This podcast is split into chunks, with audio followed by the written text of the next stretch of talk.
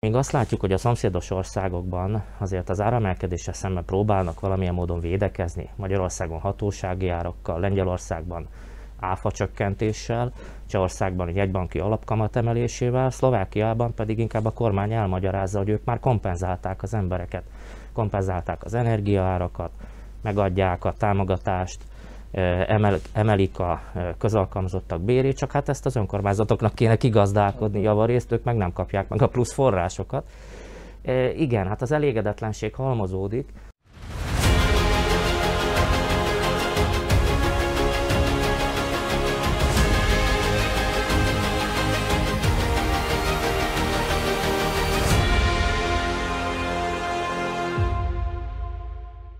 Üdvözlöm kedves nézőinket, Önök a Ma Hét Média Család címosztori című műsorát látják. Ezúttal Kolek Zsoltal, Pomikal Krisztiánnal és Csomagyi Szilárddal. Köszönöm a meghívást. Köszönjük a meghívást. El is kezdenénk, és hát vannak kellemetlen híreink. Egyrészt felvidéki szempontból nem túl pozitív, hogy Robert Fico ismét a legnépszerűbb politikus, de talán ez is annak az oka, hogy olyan szintű áremelkedést tapasztalunk, mint már régóta, nem? Krisztián, én feléd nézek, és azt kérdezném, hogy szerinted eh, valóban Robert Fico annyira erős lenne már, hogy akár Pellegrini népszerűségével is vetekedik ismét? Hát csak a közvéleménykutatások eredményeiből tudunk kiindulni, és churchill szólva csak azt a statisztikát hiszem el én is, amit magam hamisítottam, úgyhogy azért messze menő következtetéseket ne vonjunk le a közvéleménykutatásokból. Azt gondolod, hogy éppen Fico az, aki a közvéleménykutatásokat manipulálja? Nem, ezt nem mondtam, de hogy még egy ilyen elcsépelt közhelyjel élek, éljek, nem, de ez már Fico mondta, ha jól emlékszem, hogy nem közvéleménykutatásokat kell nyerni, hanem választásokat, hát majd meglátjuk, hogy... Ezt a magyar baloldal is mondta annak Így idején. van, így van, ott is, ott is előfordul ez. Meglátjuk, hogy hogy alakul. Az biztos, hogy Robert Fico kezébe épp elég muníciót és fegyvert adtak itt az elmúlt hónapok, és ez a lassan most már két éves Olano regnálás az ország élén. Hát először jött a koronavírus, ott is elbaltáztak jó sok mindent. Akkor itt volt az amerikai együttműködési szerződés ügye, amit Fico szintén nagyon ügyesen lovagolt meg, és hát kellett hozzá az is, hogy a Pellegrini egy ilyen klasszikus kint is vagyok, bent is vagyok játékot játszott, hol egy kicsit Ficóékhoz dörgölőzött, hol meg egy kicsit a, inkább a balliberális irányba, hol Csaputovához, hol a PS-hez, bár hát ez tulajdonképpen ugyanaz a egy és ugyanaz a halmaz. Szóval nehéz megmondani, hogy mi, mi okozhatja Fico népszerűségét. Egyrészt nem rossz politikus. Most függetlenül attól, hogy milyen motivációi és vezérelvei vannak, Fico szerintem egy ügyes politikus, a Leistungot azt el kell ismerni. Ügyesen kihasználta egyrészt az emberek elégedetlenségét, másrészt meg a kínálkozó alkalmakat, és ha már az áremelkedéssel kezdtél, azért egy 7%-os infláció az egy olyan gólhelyzet, amit szerintem a a nagyanyáink is bármikor berúgnának, még a 16-os sarkáról is. De azt mondjátok ti is, vagy hát legalábbis te azt mondod, hogy az infláció ugye egy olyan gólhelyzet, amit be kéne rúgni, de én úgy látom, hogy itt vagyunk két évvel a választások után, és Zsolt, most tőled kérdezném, és mégse érezhetjük azt, hogy előrehozott választások lennének, pedig tényleg botrányok sorozata, igazából elbaltázott ez a kormány majdnem mindent, amiben belekezdett, és mégis továbbra is ö, hatalmon vannak. Ez minek köszönhető? Ficóék megvárják, megvárják a kétharmadot, szerintem. Igen, ebben lehet egy ilyen gondolkodás is, amit a Krisztián mond. Valójában persze azért a, a közös érdekek egybe tartják ezt a koalíciót. Ne zárjuk ki persze az előrehozott választás lehetőségét, de ha, ha jósolni kellene a következő időszakra, akkor valóban nem várható előrehozott választás. Én azt gondolom, hogy a következő hónapok valójában talán tényleg a legnehezebbek lesznek a kormány számára, lehet, hogy még a koronavírus válság legnehezebb időszakához képest is, hiszen ez a pénzromlás azért sokakat érint. Itt emlegette, hogy a nagyanyák berúgnák a gólt, hát pontosan az időskorúak érzik meg most legjobban ezt az áremelkedést, hiszen a nyugdíjak nagyon szerény mértékben emelkedtek 1,3%-kal, és hát amíg azt látjuk, hogy a szomszédos országokban azért az áramelkedéssel szemben próbálnak valamilyen módon védekezni, Magyarországon hatósági árakkal, Lengyelországban áfa csökkentéssel, Csehországban egy jegybanki alapkamat emelésével, Szlovákiában pedig inkább a kormány elmagyarázza, hogy ők már kompenzálták az embereket, kompenzálták az energiaárakat, megadják a támogatást, emel, emelik a közalkalmazottak bérét, csak hát ezt az önkormányzatoknak kéne kigazdálkodni javarészt, ők meg nem kapják meg a plusz forrásokat. Igen, hát az elégedetlenség halmozódik, és a következő hónapokat emiatt nehéznek látom, de, de a hosszabb távú jóslatok, vagy hát inkább ilyen középtávú előrejelzések meg azt mutatják, hogy a szlovák gazdaság az igencsak szépen fog muzsikálni. 2023-ra 5,1%-os növekedést jósolnak, ami az egész Európai Unióban a legnagyobbnak várható, és ez az Európai Bizottságnak a jóslata. És erre az évre is már egy nagyon szép 5%-os növekedést jósolnak, a szlovák kormány még ennél is optimistább, ők 6%-ról beszélnek. Hát meglátjuk, hogy mi jön ki ebből. Az biztos, hogy jelenleg a vágtató inflációt érezzük, ami 20 éve nem volt ilyen magas. Azt azért hozzá kell tenni, hogy ezzel küzd Csehország, hogy csak a közeli országokat mondjam, Magyarország, Lengyelország, csak éppen az a különbség, hogy a kormányok ott tesznek is annak érdekében, hogy az emberek ne érezzék ennyire elkeserítőnek a, a helyzetet, és tehát megóvják a, az emberek pénztárcáját. Szlovákiában az ellenzéknek ez lesz a magas labda a következő hetekben, hogy hogyan fogja tudni a kormányt emiatt ostorozni, hogy nem tesz meg mindent az infláció ellen. Szilárd, te, mint szociálisan érzékeny ember, mindig ezt föl szoktad az írásaidban is hozni, és itt a műsorban is. Te hogy látod egyébként, mi volna a feladata jelenleg a kormánynak egy jobboldali, vagy hát leginkább jobboldali gazdaságpolitikát folytató kormánynak mit tehetnének, és mit mondhatna ilyenkor Héger, ahelyett, hogy azt mondja, amit itt Zsolt is kiemelt, hogy mi már megtettük a saját részünket?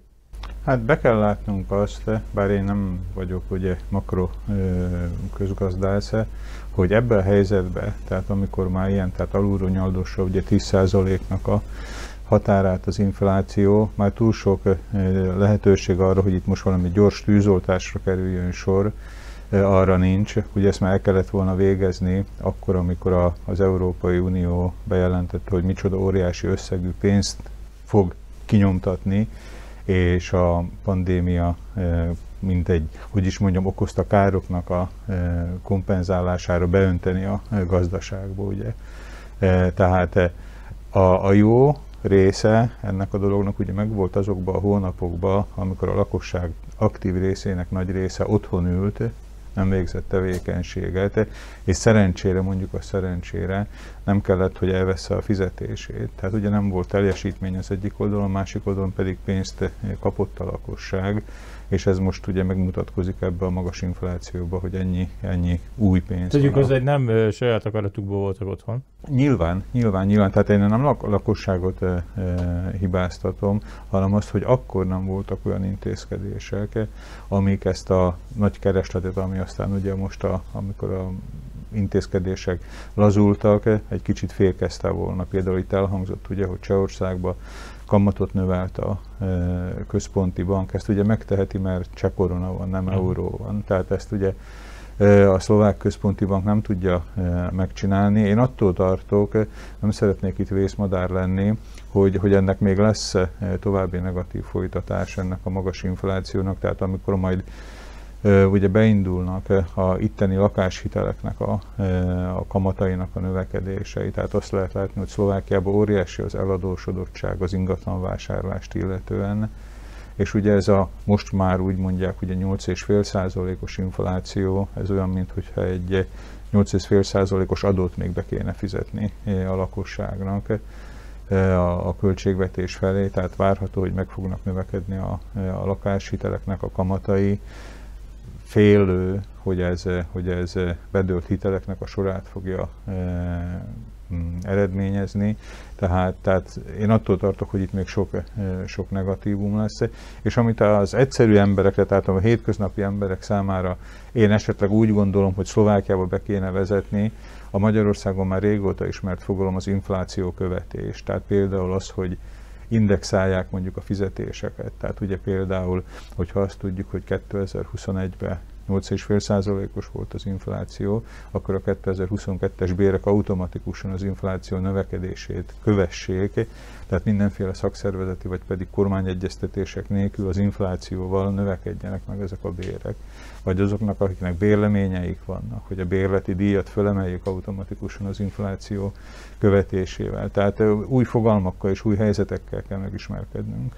Érdekes egyébként a lakáshitelekről, aki szeretne többet, az a Magyar Hét legfrissebb számában olvashat. Erről írtam, de úgy gondolom, hogy van itt egy gyorsabban jelentkező probléma, és Krisztián, téged kérdeznének ezzel kapcsolatban, hogy nem -e fog, vagy nem fog-e a, a szlovákiai politikában ismét a szélsőséges oldal növekedni, mivel igazából Ficóék nem tudnak alternatívát mutatni, meg hát van egy rossz hírük. Ott van a jelenlegi kormány, amely ismét csak hát nem éppen a legsikeresebb, nem -e a Republika, vagy éppen Kotleba támadhat föl ebbe a helyzetbe. Mit gondolsz erről? Hát szerintem nem fog növekedni, már csak azért sem, hogy már már növekszik. Tehát jelen időben érdemes beszélnünk. Kotlebáikat említetted, talán most már ők zavarják a kevesebb vizet, de ott van a Republika, amely kicsit ilyen emberarcúnak próbálja magát eladni, ami azért Milan Mazurek esetében nem kis kihívás, és igen nagy teljesítmény, süvegelendő, hogyha ez sikerül nekik. Azért, ha belegondolunk, akkor Milan Mazurek, Milan Uhrik, ezek nem hogy is mondjam, ideológiai ellentétek miatt távoztak Kotleba pártjából, abszolút személyi okokból, tehát nem az van, hogy ők megelégelték volna Kotlebának a, a fasizmussal való állandó kacérkodását, bár lehet, hogy a nácizmus az jobb szó, mert hogy fasizmus az inkább csak Olaszországban volt. Szóval nem azért nem megelégelték volna ezeket az elképesztően szélsőséges nézeteket, hanem személyi vagy dolgok anyagi. miatt. Vagy anyagi dolgok miatt, igen, még jobb. Szóval a Republika nagyon ügyesen megpróbálja magát egy kicsit így emberarcúnak eladni, és meglepő módon valamelyest ez sikerül is. Hát nyilván ott van az, hogy a koronavírus gyárványkezelése, a kötelező oltások kérdése és hasonlók miatt óriási, szintén óriási zicserhez, mint, mint a Smer jutott a párt. Ezt egész ügyesen kihasználják. Hát a republikát Zsolt ezekkel pontosabban tisztában van, de rendre parlamenti küszöb fölé mérik 7-8 százalékör, és ahhoz képest, hogy, hogy egy, egy-két évvel ezelőtt alakultak, nem sokkal a, a választások után. Ez nem rossz teljesítmény szerintem az meg, hát ez meg egy ilyen örök és elcsépelt igazság, hogy a nehéz időkben mindig ezek a, a radikális és egyszerű megoldásokat kínáló pártok érvényesülni tudnak. Ezt láttuk a Covid alatt is. Hát most figyelj, a parlamentáris demokrácia az már csak olyan, hogyha ha van támogatottságuk és az emberek hajlandóak rájuk szavazni, akkor ott lesznek a parlamentben. Erre nem nagyon lehet mit mondani. Zsolt, te mit gondolsz egyébként? Itt ki erősödhet ebben a helyzetben?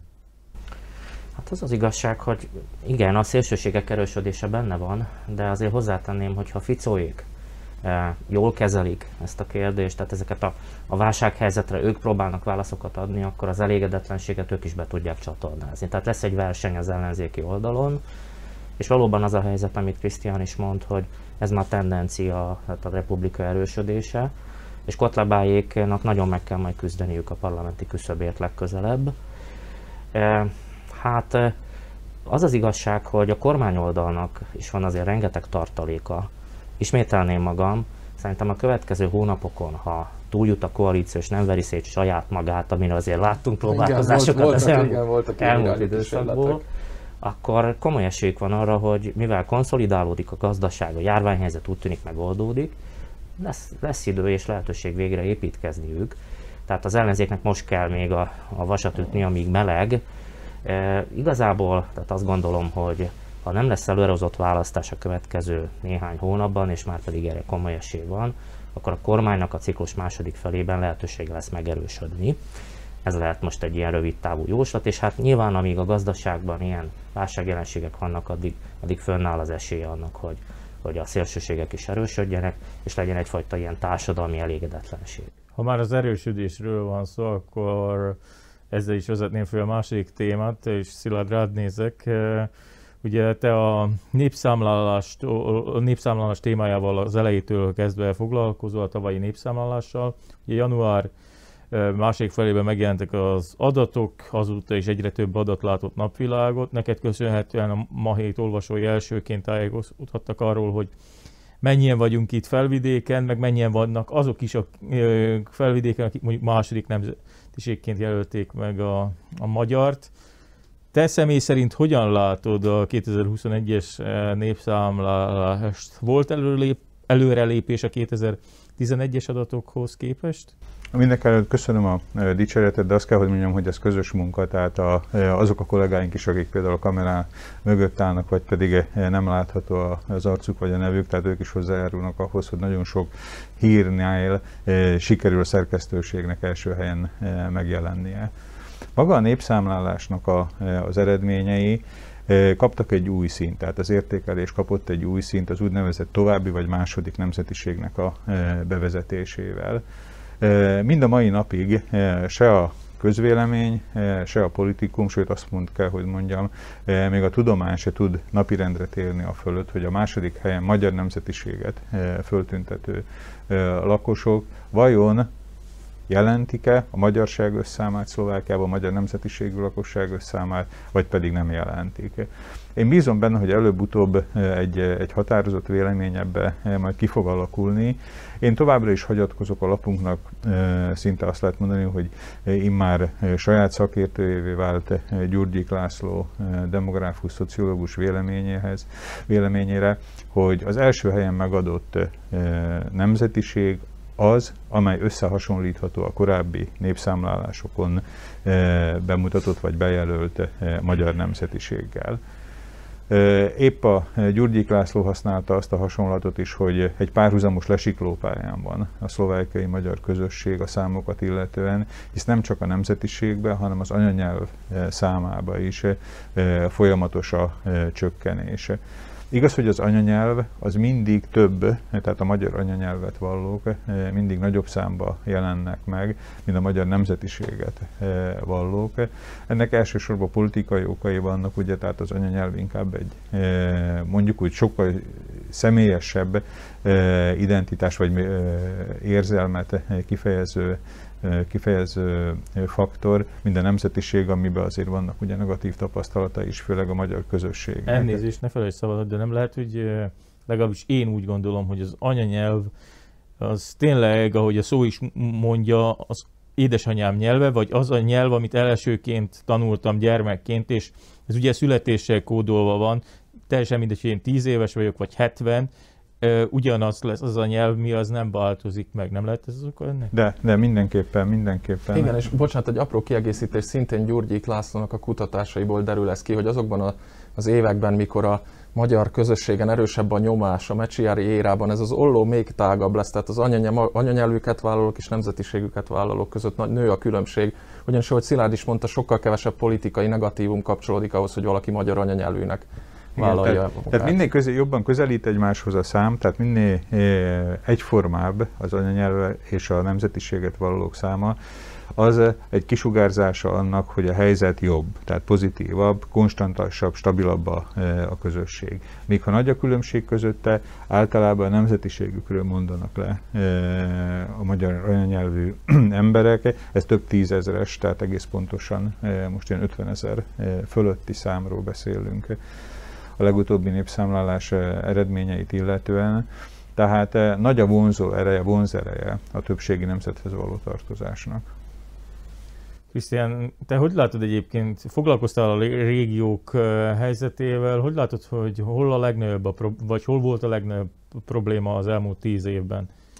Hát a probléma az van, dögivel is van mindenhol, ugye sorra elemeztük a népszámlálás eredményeinek különböző aspektusait, itt szerintem itt ülünk négyen az asztalnál, mind a négyen foglalkoztunk külön-külön egyes rész problémákkal.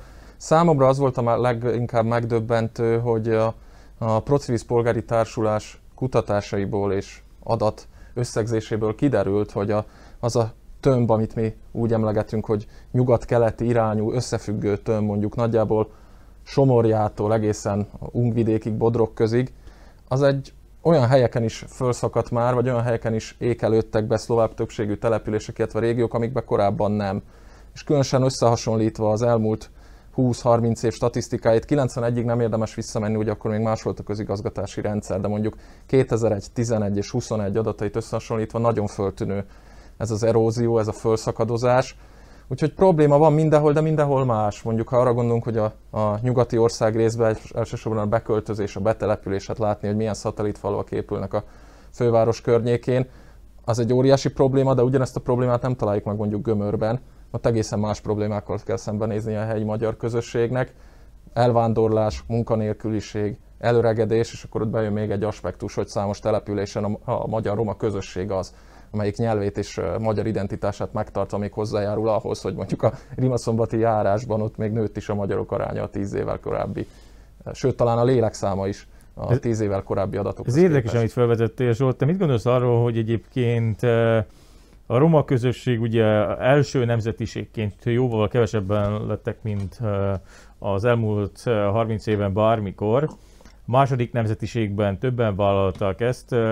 Ez mennyire határozhatta meg esetleg a, azt, hogy bizonyos régiókban még túlreprezentált így is a magyarság? Ugye azt is érdemes vizsgálni, hogy vajon miért döntöttek úgy a romák, hogy második helyen vallják be a nemzetiségüket, és első helyen ezt nem vállalják. Nyilván kötődik ehhez egyfajta negatív konnotáció, és a fölzárkózás, a társadalmi mobilitás eszköze az, hogy ők vagy szlováknak, vagy magyarnak vallják magukat első helyen. És azért én hozzátennék ehhez egy tényezőt, hogy bizony a népszámlálási eredményben adott esetben sok munka is van. Azokban a községekben, régiókban, ahol helyi civilek, vagy akár a közélethez tartozók tényleg vették a fáradtságát és elmagyarázták az embereknek, hogy miért fontos az anyanyelvük, az identitásuk fölvállalása, ott adott esetben sokkal biztatóbb képet, képpel zártuk ezt a 2021-es népszámlást, ez akár a következő évekre is egy nagy tanulság lehet. És hát most is még tízezer szám vannak olyanok, akik semmilyen nemzetiséget nem vallottak be, mert hogy erre is lehetőséget ad a népszámlálás, és ez bizony egy tartalékot jelent még mindig, bár minden jel arra mutat, hogy ez a 2021-es adat már jóval kisebb tartalékot jelent, mint a 10 évvel ezelőtti, ahol minden jel szerint alulmérték még a magyarságot.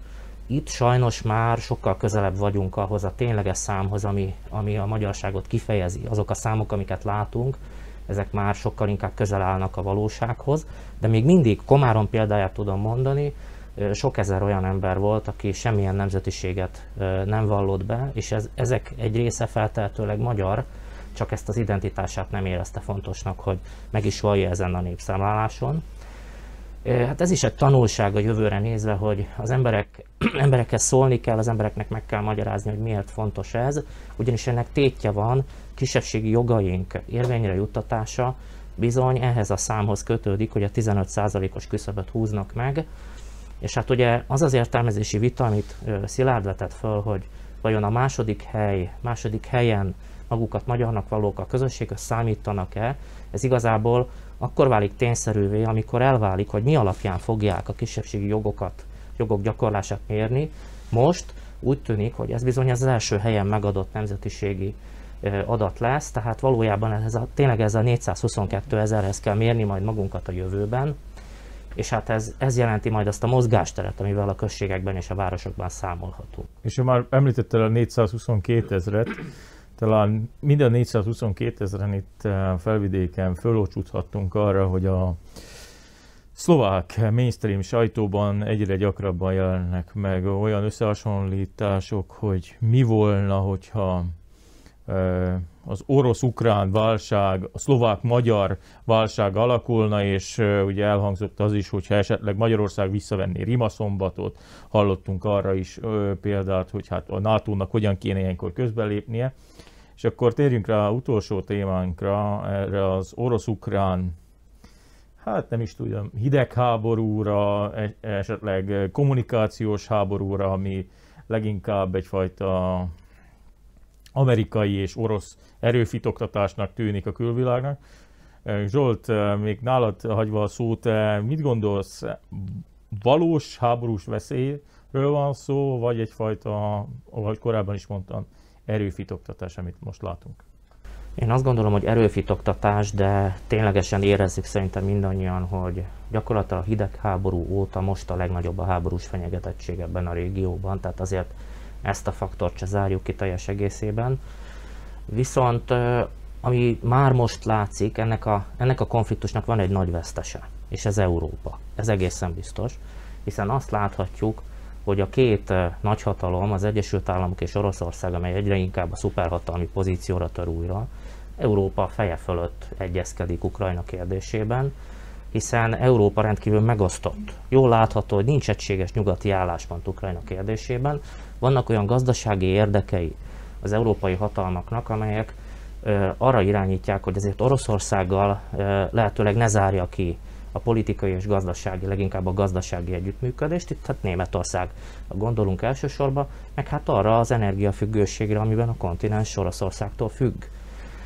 Ilyen módon Európa súlya és ereje az, az láthatóan leértékelődik, és ez lehet ennek a konfliktusnak a legnagyobb tanulsága, hogy hogyan tudja magát újrafogalmazni Európa, hogyan tud ténylegesen egy világpolitikai tényezővé válni, hiszen hiszen az Egyesült Államok már Trump elnöksége alatt is ez jól látható volt, egyre inkább hát idézőjelbe teszi ezt az euróatlanti együttműködést, és megkéri az árát annak a védelemnek, amelyet gyakorlatilag 1945 óta biztosított a kontinens, akkor még csak nyugati felének, most pedig már hát az Oroszországon kívüli térségnek, tulajdonképpen európai világnak. Ez Nekünk... nem egy természetes folyamat egyébként, hát azt mondod, hogy Oroszország, Amerika és Európát, ugye részben Oroszország is Európa, másrésztről azért vegyük természetes földrajzi adottságokat. Oroszország önmagában egy hatalmas ország, nem csak a lakosságát, itt, hanem a területét, hogyha Európához hasonlítjuk, akkor tudjuk, hogy milyen ki. Ugyanígy, tehát nincs is, tehát ez a hatalmi rendszer, ez talán teljesen természetes, hogy így van. Igyekszem nagyon röviden válaszolni. Ha összevetjük az európai államok, akár csak az Európai Unió és Oroszország gazdasági teljesítményét, akkor az ég föld. Oroszország a tizedét ennek nem éri el.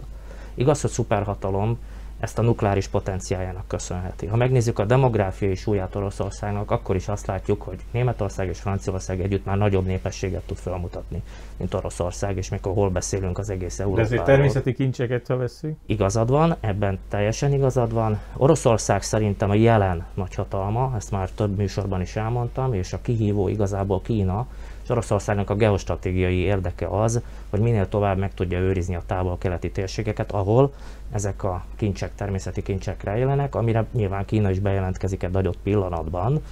Azt gondolom, hogy Oroszország rá fog kényszerülni Európa szövetségére.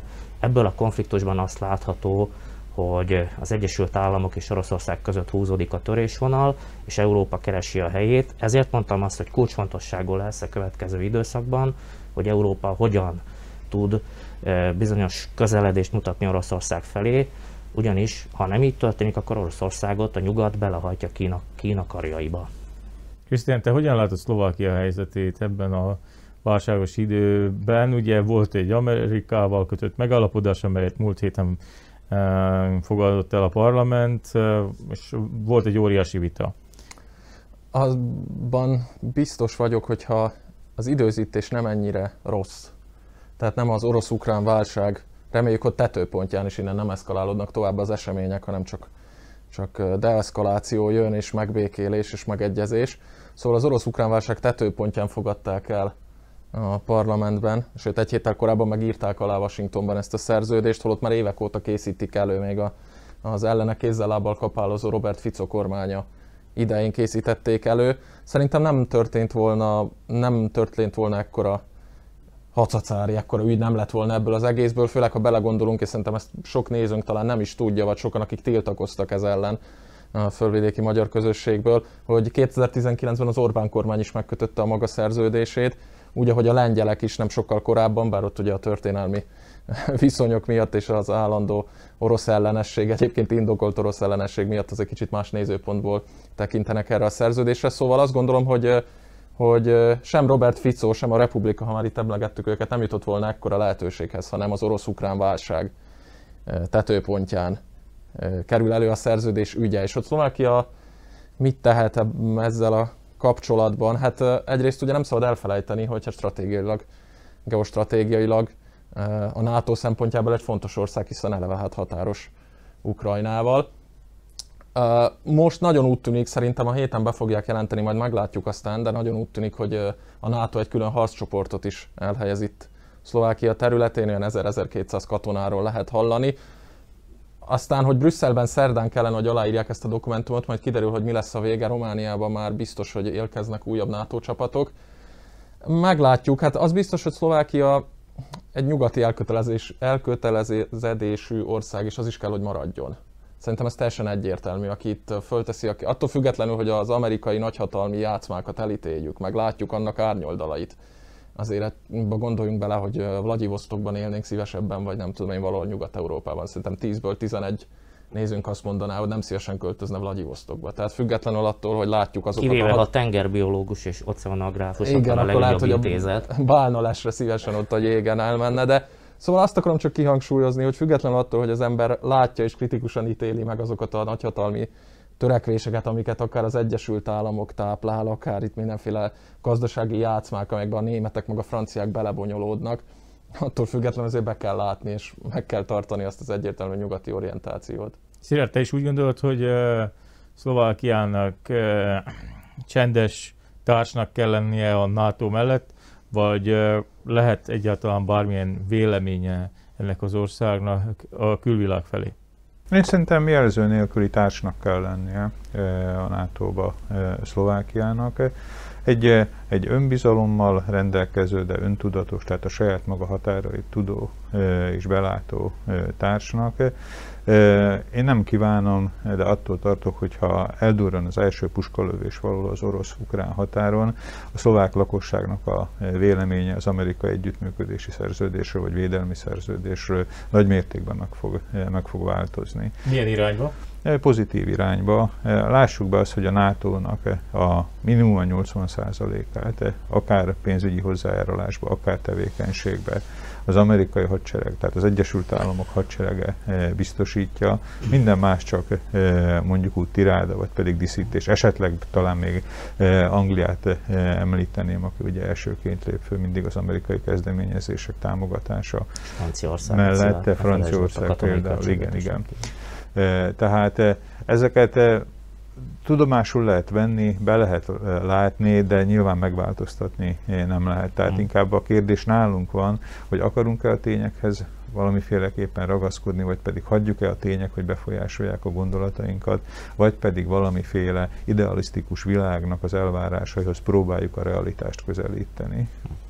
Köszönöm szépen ezt a befejezést. Önöknek köszönöm szépen, hogy a címlapsztorit választották ezúttal is. Kövessék eh, műsorainkat, akár videós műsorainkat, akár olyan szöveges tartalmainkat, amelyet elérnek a mahét.sk-n, a Magyar Hét heti labban, és tartsanak velünk legközelebb is. További kellemes estét kívánok. A viszontlátásra!